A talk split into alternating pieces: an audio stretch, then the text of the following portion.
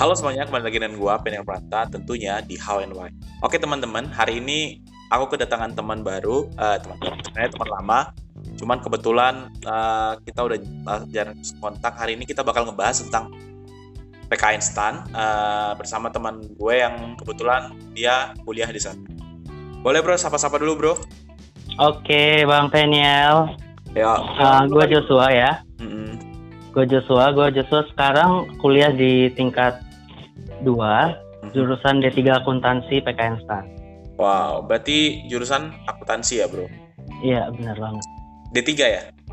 Ah, D3. Oke. So gimana nih bro? Sekarang lagi tinggal di mana? Atau gimana? Di Pekanbaru atau? Uh, sekarang sih lagi di Pekanbaru ya, soalnya di Jakarta kan lagi apa ya, Covid ya? masih PSBB ya. Iya.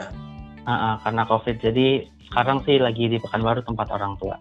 Oke. Berarti eh lagi mengungsikan diri lah gitu ya bro? Iya, benar banget. Oke. Jadi sekarang lagi tingkat kedua di PKN STAN ya bro? Iya. Nah untuk D3 akuntansi di Bintaro juga atau eh? Di Iya, benar. Di Bintaro. Bintaro ya? Ah, ah, ya di Bintaro. Oke. Tangerang Selatan. Tangerang Selatan. Sip. Bro, mungkin boleh cerita dulu kali ya. Dulunya sekolah di mana, bro? Terus kenapa pingin masuk stan gitu? Nah, kalau dulu sekolah di mana sih waktu SMA ya? Ini SMA aja.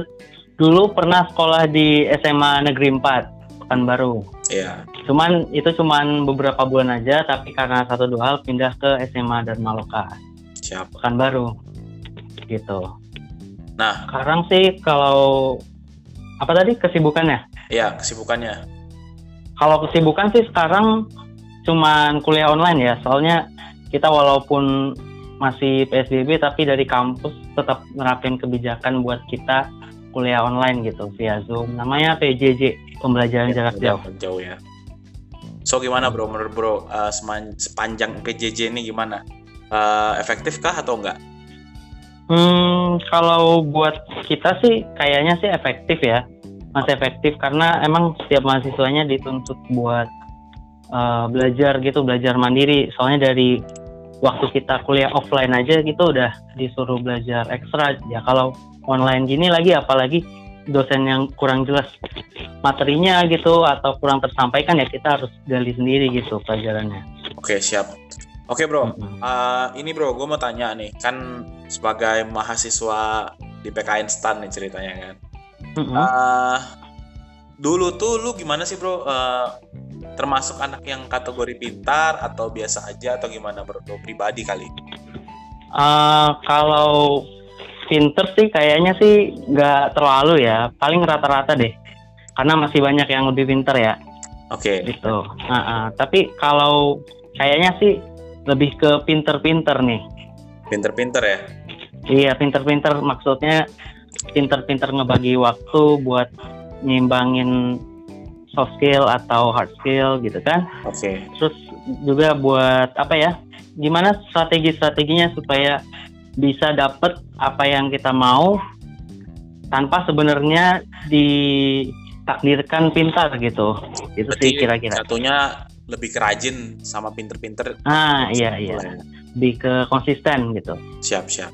Nah, ini mau tanya nih, gimana nih? Eh, dulu tuh sebenarnya cita-cita lu apa sih? Terus apakah sama dengan cita-cita yang sekarang lu lagi jalanin? Boleh cerita nggak? boleh boleh kalau dulu itu cita-citanya dari TK itu kedokteran ya Mhm. Nah, dari TK pengen masuk FK, SD masuk FK, SD coba nilai nilai ujian nasionalnya coba dinaikin sampai rata-rata 9 berapa gitu biar bisa masuk SMP favorit juga terus dari SMP juga supaya bisa masuk SMA favorit. Nah, itu eh, sebenarnya cita-cita dari awal tuh kedokteran. Oke. Tapi eh, kebetulan nih di kelas 3 SMA itu aku udah mulai mikir kayaknya apa salahnya coba jurusan lain gitu yang mungkin bisa lebih potensial buat masa depan karena kalau di kedokteran kan itu pertama saingannya banyak Oke. Kedua lapangan pekerjaannya juga ya memang banyak tapi terbatas gitu karena lulusan kedokteran aja sekarang banyak yang masih harus nganggur gitu Oke. untuk nunggu dia apa lulus UKDI ya Ya. uji kompetensi dokter Indonesia atau gimana. Jadi uh, kalau cita-cita itu sebenarnya waktu SBMPTN milih kedokteran, Hmm. tapi nggak dapet nih kedokteran. Dulu milih FK Unsri Sriwijaya. Dapatnya tuh di Teknik Kimia Di? di Universitas Riau. Oke, berarti Ah, ah. itu tahun yang sama dengan tahun lu dapat PKN STAN atau beda, Bro? Iya, tahun yang sama. Jadi Wow. ceritanya nih kan pengen merantau nih. Jadi jangan di Pekanbaru aja nih. Iya. Gimana coba cari pengalaman lain. Terus juga eh, dengar-dengar dari sosial media terus dari orang tua juga kalau ada perguruan tinggi kedinasan namanya PKN STAN Mhm. yang ternyata setelah lulus tidak tidak nganggur ya. Setelah lulus tuh langsung kerja. Makanya namanya STAN Sekolah Tinggi Anti Nganggur. Oh, Itulah yes. istilah kalau kita. Oke, berarti Ah, ah. udah pasti ya. Iya udah pasti. Jadi terus kuliah di STAN itu kan juga uh, dibiayain full 100% sama negara. da, ah, ah, sama negara dari pajak rakyat Indonesia gitu. Benar. Nah, em, jadi kan tadi lu bilang nih bro, lu tuh sebenarnya cita-citanya mungkin kedokteran sepanjang Mm-mm. at least TK sampai SMA.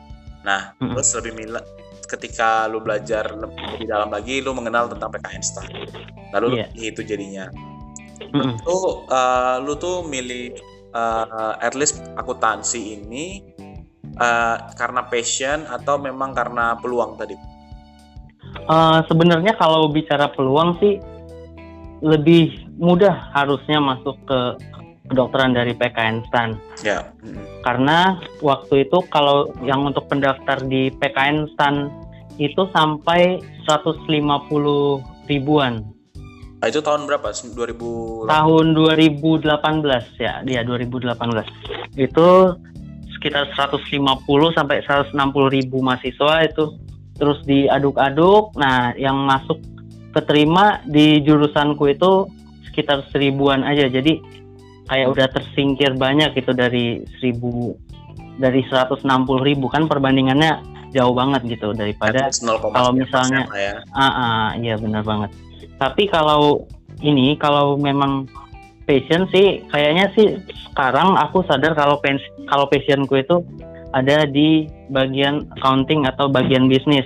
Mhm. Jadi ternyata apa yang aku pelajari sains itu segala macam setelah aku ngejalanin kuliah di PKN STAN ternyata passionnya lebih ke bisnis. Nah, gitu. Jadi makanya mungkin terarahnya ke sini nih ke STAN gitu. Oke. Nah, berarti kan eh, kalau boleh kita simpulkan nih, Bro, eh, sejauh memandang lu tuh memilih stan karena memang pertama eh, potensi, yang kedua karena memang pingin merantau ya, Bro. Iya, benar banget. Oke. So, eh, kira-kira hmm, gimana apa? Menurut lu sendiri nih? Oh ya, belum sejauh sebelum itu, Bro. gue mau tanya nih.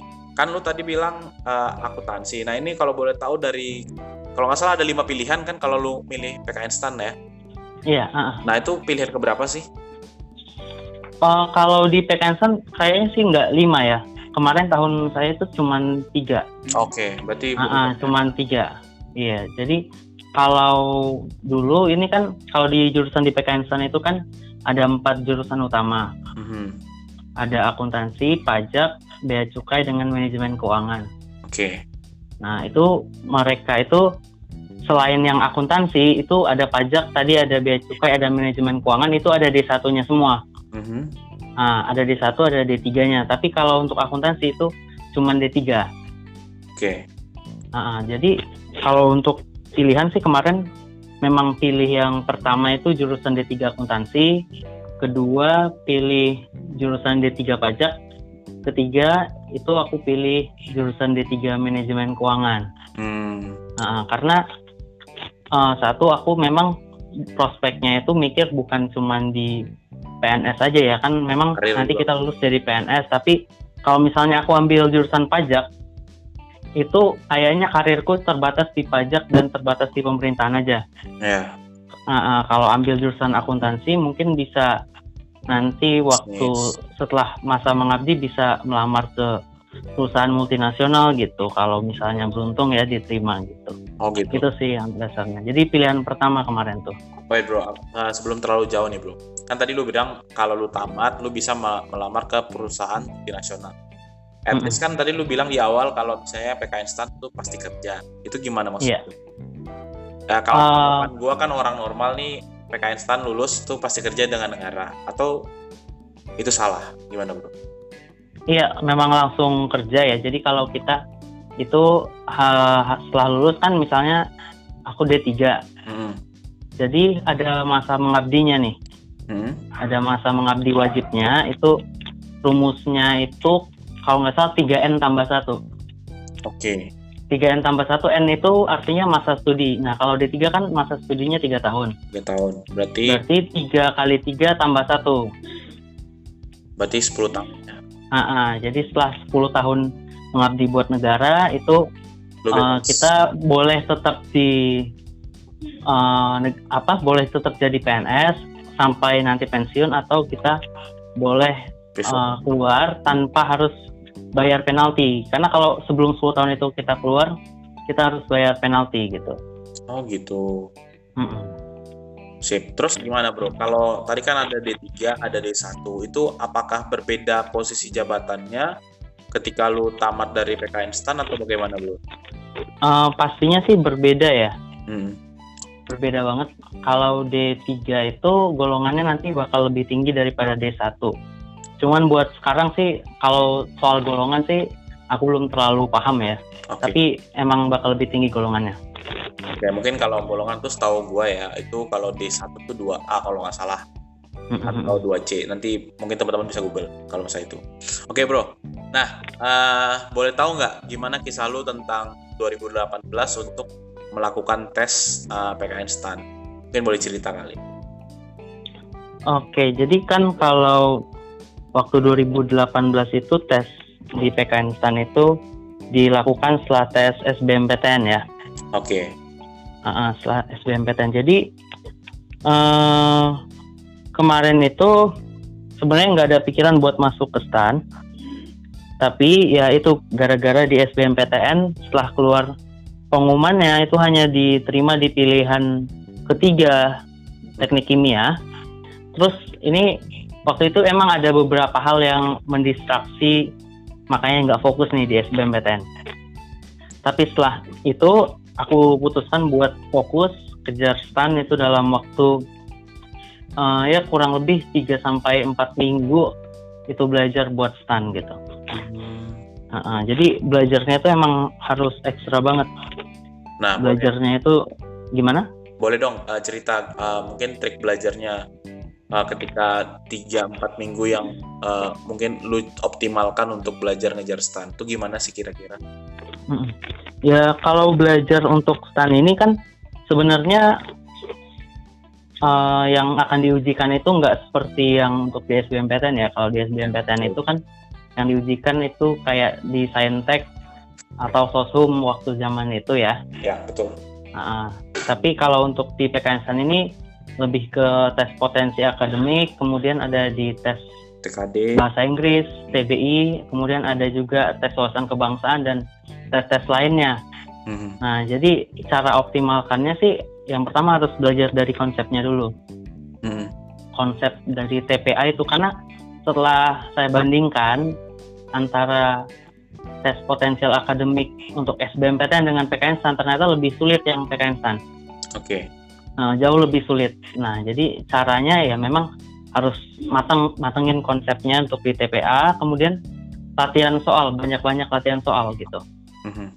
Nah, jangan jangan coba latihan soal dulu sebelum menguasai konsep itu sih.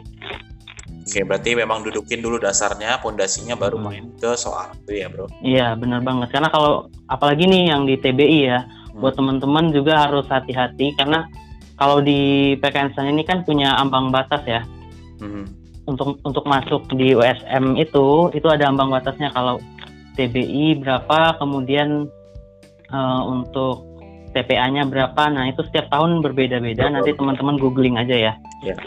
Ah, ah, gitu. Jadi kalau cuma kalau- belajar soalnya aja itu kayaknya nggak cukup. Oke, berarti at least lu harus uh, kenali dulu dasarnya, baru main ke soal, baru kenali lagi ambang batasnya ya, Bro. Iya, benar banget. Supaya lu bisa mengejar target ambang batas itu minimal ya, Bro. Uh-uh, benar banget, Dong. Sip. Nah, mungkin boleh dong ceritain nih susahnya ketika lu mengalami ujian tertulis itu gimana sih, Bro? Susahnya itu yang pastinya waktunya ya, waktunya tuh ketat banget. Hmm. Waktunya ketat banget itu uh, setiap tahun beda-beda soal-soalnya. Jadi kalau yang saya ingat itu untuk ngerjain satu soal itu dibutuhkan waktu kurang dari satu menit gitu. Yang seingat saya. Oke. Okay. Uh -uh, jadi memang harus apa ya kayak dikejar waktu, dikejar batas nilai harus minimalnya berapa, terus dikejar lagi dengan kesulitan soalnya gitu. Jadi itu yang bikin sulit. Makanya sebenarnya kalau di tes PK, tes TPA atau tes TBI itu kita harus optimalkan mana yang kita bisa dulu. Oke. Okay. Uh, uh, supaya kita bisa capai poin minimalnya. Jadi sebelum kita capai poin minimalnya nggak usah berkutat di satu soal aja. Terus ini soal ini nggak dapet nih, gimana nih? Tinggalin aja dulu, tinggalin lanjut lagi ke soal lain yang lebih mudah. Nah, setelah nanti soal lain kita bisa kerjain dan masih ada waktu baru kita bisa balik lagi nih ke soal sebelumnya yang kita tadi belum kerjain. Oke, berarti untuk uh, susahnya ujian tertulis itu adalah ketika kita berperang sama waktu dan mengeksplor harus mengeksplor semua soal untuk ketemu nih konsep mana ataupun soal mana yang lebih mudah. Baru kita lihat nih mapping dari semua soal yang mudah kita jawab yang udah kita jawab itu apakah cukup nggak dengan ambang batas kita. Kalau ya, belum, baru kita work hard lagi untuk menghadapi soal yang mungkin lebih sulit untuk bisa lulus gitu ya bro. Iya benar banget dong. Nah uh, di tahun lu itu ada soal psikotes sama tes kesehatan nggak? Uh, kalau di tahunku itu nggak ada ya. Oke. Okay. Jadi memang uh, dulu di tahun-tahun sebelumnya itu ada tes kebugaran, tes kesehatan dan kebugaran atau TKK dengan tes psikotes. Tapi di tahunku itu nggak ada. Jadi memang uh, lebih ditekankan ke tes tertulisnya gitu. Dan tes tertulis tahunku ini yang waktu dulu tahun 2018 itu jauh lebih sulit dari tes tertulis tahun-tahun sebelumnya. Karena kan udah pernah tryout juga uh, soal-soal tahun sebelumnya gitu. Nah, itu tuh berarti kan uh, boleh dibilang nih PKN STAN nih selalu berubah-berubah begitu ya, bro? Iya, benar banget. Nah, uh, kira-kira kalau misalnya teman-teman mau tahu nih update-nya tentang uh, PKN STAN tuh kira-kira di mana sih biar tahu data paling update tuh kira-kira? Oh gitu. Jadi uh, kita lebih utamain pakai data yang validnya ya. Mm -hmm.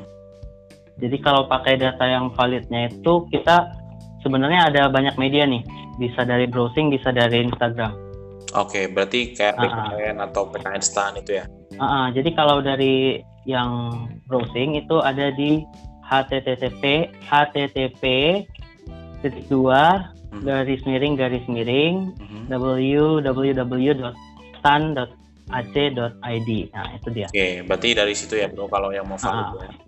Ya, terus kalau dari ininya juga bisa sih dari Twitter stan resmi, kemudian oh, betul. Instagram yang resmi ya, yang harus yang resmi kalau yang lainnya belum tentu benar. Oke, okay. nah hmm. uh, nanti mau nanti gue bakal nanya beberapa hal yang mungkin agak klise juga bro. Tapi sebelumnya jauh kita ke sana, gue mau nanya nih uh, dari seluruh rangkaian yang yang menurut yang lu lalui lah kita bilang uh, khususnya mm -hmm. dalam tes PKN STAN mungkin mm -hmm. part mana sih yang menurut lo paling sulit khususnya pada bagian ujian tertulis tuh kan ada berapa TPI ya dan mm -hmm. itu itu segala macam kan bro nah itu dari berapa part itu yang mana sih yang paling sulit menurut lo yang paling sulit itu tes bahasa Inggrisnya TBI oke okay, kenapa bro hmm. karena jujur aja hampir uh, lebih dari 50% para pendaftar yang ke STAN ini hmm. itu kan dari 160 ribu yang kemarin tes itu hampir 50 persen lebih itu gagal gara-gara TBI. Oke. Okay. Nah, karena memang TBI-nya tuh Nah, TB-nya itu konseptual banget. Hmm. Kenapa konseptual? Nah, ternyata aku baru temuin nih, ternyata di kampus TKN Stan itu Mhm. uh, textbooknya juga bahasa Inggris nih kebanyakan, bahkan Oh. hampir semua bahasa Inggris textbooknya. Jadi emang TBI-nya harus dimantepin lagi nih konsep-konsepnya gitu. Oke. Nah, eh, berarti kalau misalnya teman-teman mau masuk PK Instan berarti harus mantepin di konsep secara PBI. ya? Iya, di konsep. Nah. Itu terus juga jangan TBI juga sih. Jangan cuma tahu. TBI. Oke. Heeh, karena ada juga teman temanku nih ya, teman waktu SMA itu dia ikut juga tes PK Instan tahunku juga. Mhm. Nah, sebenarnya TPA dengan TBI-nya tuh lebih tinggi dariku. Cuman Tapi Mhm. tapi dia gagal gara-gara tes wawasan kebangsaan. Oke, karena di bawah Nah, standar. tes wawasan kebangsaan ini kayak PKN gitu loh. Iya, tahu. Oke, Dia cuman kurang satu poin aja, tapi langsung gugur gitu. oke. Berarti selama nilai lu tidak di seluruh di seluruh bagian tidak semas tidak masuk di dalam ambang batas berarti lu gagal gitu ya, Bro. Iya, auto gagal. Oke. Hmm. Oke bro, Ah, ini mungkin gue tanya tentang keseharian anak-anak PKN Stan kali ya bro. Nah mungkin boleh cerita dong kesehariannya anak-anak PKN Stan tuh gimana belajarnya, Ah, mungkin ah, keseharian di dorm. Kalian di asrama atau seperti gimana bro? Mungkin boleh ceritakan. Kalau sekarang sih nggak di asrama lagi ya, soalnya kan Bro boleh suaranya lebih apa? Kurang dengar soalnya. Uh, kalau sekarang tuh nggak di asrama lagi karena uh, Kementerian Keuangan itu udah batasin anggaran kayaknya ya. Oke. Kita juga uh, sekarang tuh tinggalnya di kos masing-masing gitu. Oke. Jadi eh, sekarang eh, ngekos sendiri ya di seputar kampus ya. Iya, kos sendiri. Jadi kalau kehidupan sehari-hari enak sih uh, nggak lepas dari belajar ya. Tiap hari itu pasti belajar. Oh gitu. Nah, kenapa kita harus belajar? Karena ya memang tuntutan dari PKN Belajar itu tinggi karena kita itu punya uh, beberapa aturan yang tidak boleh uh, dilanggar supaya Mhm. kita tidak kena drop out. Oke. Nah, salah Berarti, itu Hmm? gimana? Boleh ceritain aturannya bro? Nah, jadi salah satunya itu kita tuh harus mencapai D minimal 2,75. Hmm. Kemudian tidak boleh ada mata kuliah yang dapat nilai D Mhm. dan juga tidak boleh uh, lebih dari tiga itu dapat nilai C. Oke. Itu sepan sepanjang satu semester tidak boleh lebih dari C3 itu atau sepanjang seluruh pembelajaran bro? Setiap semester Oke. dan nggak ada remedial ya. Oke. Berarti langsung ujian gitu aja ya. Iya. Nah itu sistemnya gimana bro? Apakah sistemnya ada UAS, UTS itu lagi atau gimana bro? Iya, uh, hampir sama sih kayak kampus lain ya. Ada UTS, ada UAS. Oke. Terus, uh, Terus untuk kuis-kuis gimana bro? Ada nggak? iya ada juga kuis harian itu paling nanti untuk bagian di aktivitas saja.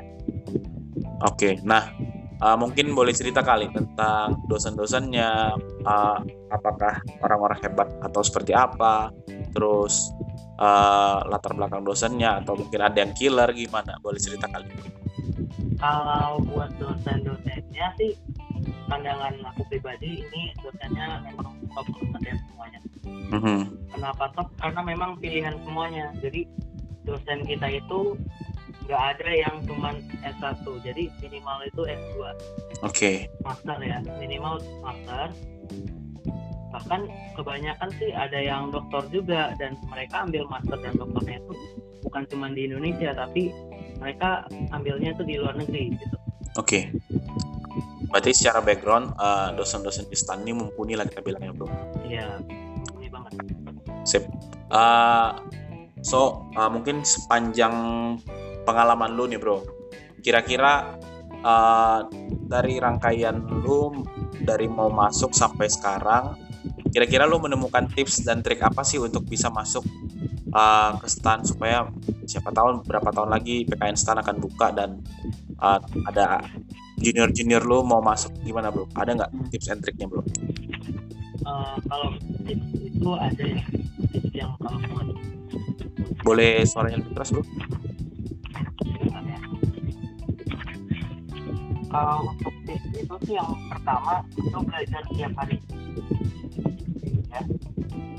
Kalau kepersiapan tes pada hari H ini nih yang penting banget itu yang harus disiapin itu perlengkapan tes. Oke. Okay. nah, perlengkapan tes itu nanti ada seperti GPU tausiah kemudian uh, tulisnya nah itu nggak boleh pinjam pinjaman waktu ujian hmm. kemudian yang berikutnya kita tuh harus yang kedua ini kita harus tenang waktu kita masuk ruangan ujian terus berdoa oke okay. kemudian kita yang berikutnya yang ketiga tuh waktu kita nanti ujian itu kita terapkan metode kita waktu sebelum sebelumnya kita belajar. Jadi kan kita ada tryout gitu. Nah itu kita terapkan semuanya waktu kita perang waktu ujian hmm. kemudian uh, kita harus terapkan strategi tadi ya. Nggak boleh masuk ke semua soal kita harus lihat soal-soal mana yang kita bisa jawab sebenarnya itu tinggi oke. Okay. uh, kemudian kita juga harus minimalkan jawaban masal kan banyak nih uh, yang mau tes terus aduh takutnya nggak nggak bisa mencapai nilai maksimal gitu. Nggak bisa hmm. mencapai nilai minimum. Udah asal-asalan aja. Nah itu nggak boleh karena kita ada juga nanti bagian-bagian tes yang punya nilai minus ya minus satu gitu. Oke okay, berarti harus manajemen resiko lah ceritanya bro. Iya oke. Okay. itu aja kali ya bro? Uh, yang ini yang paling utama sih. Apa uh, berdoa ya berdoa. Mm -hmm. terus belajar teratur terus perbanyak latihan. Oke. Okay.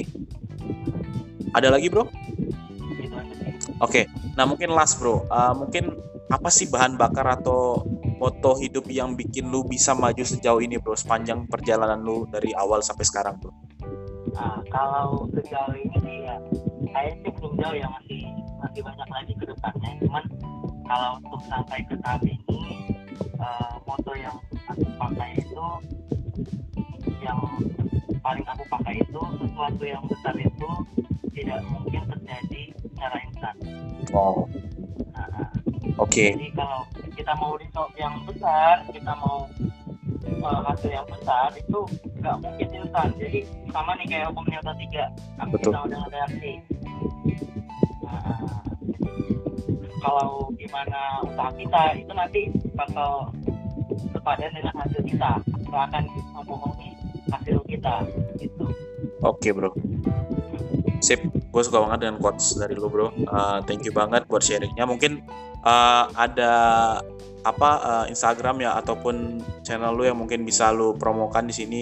Siapa tahu mereka teman-teman mau lebih mengenal tentang PKN Stan lagi bro. Oh boleh boleh boleh kalau untuk Instagram sendiri sih itu ada di R U underscore G O S H mm-hmm. terus aku juga baru buat channel di YouTube nah channel di YouTube ini nanti bakal aku isi uh, materi-materi dan latihan soal wah mantap banget tuh ya.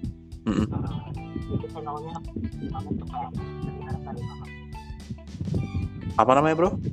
PNS Kedinasan. Oke, PNS Kedinasan ya bro.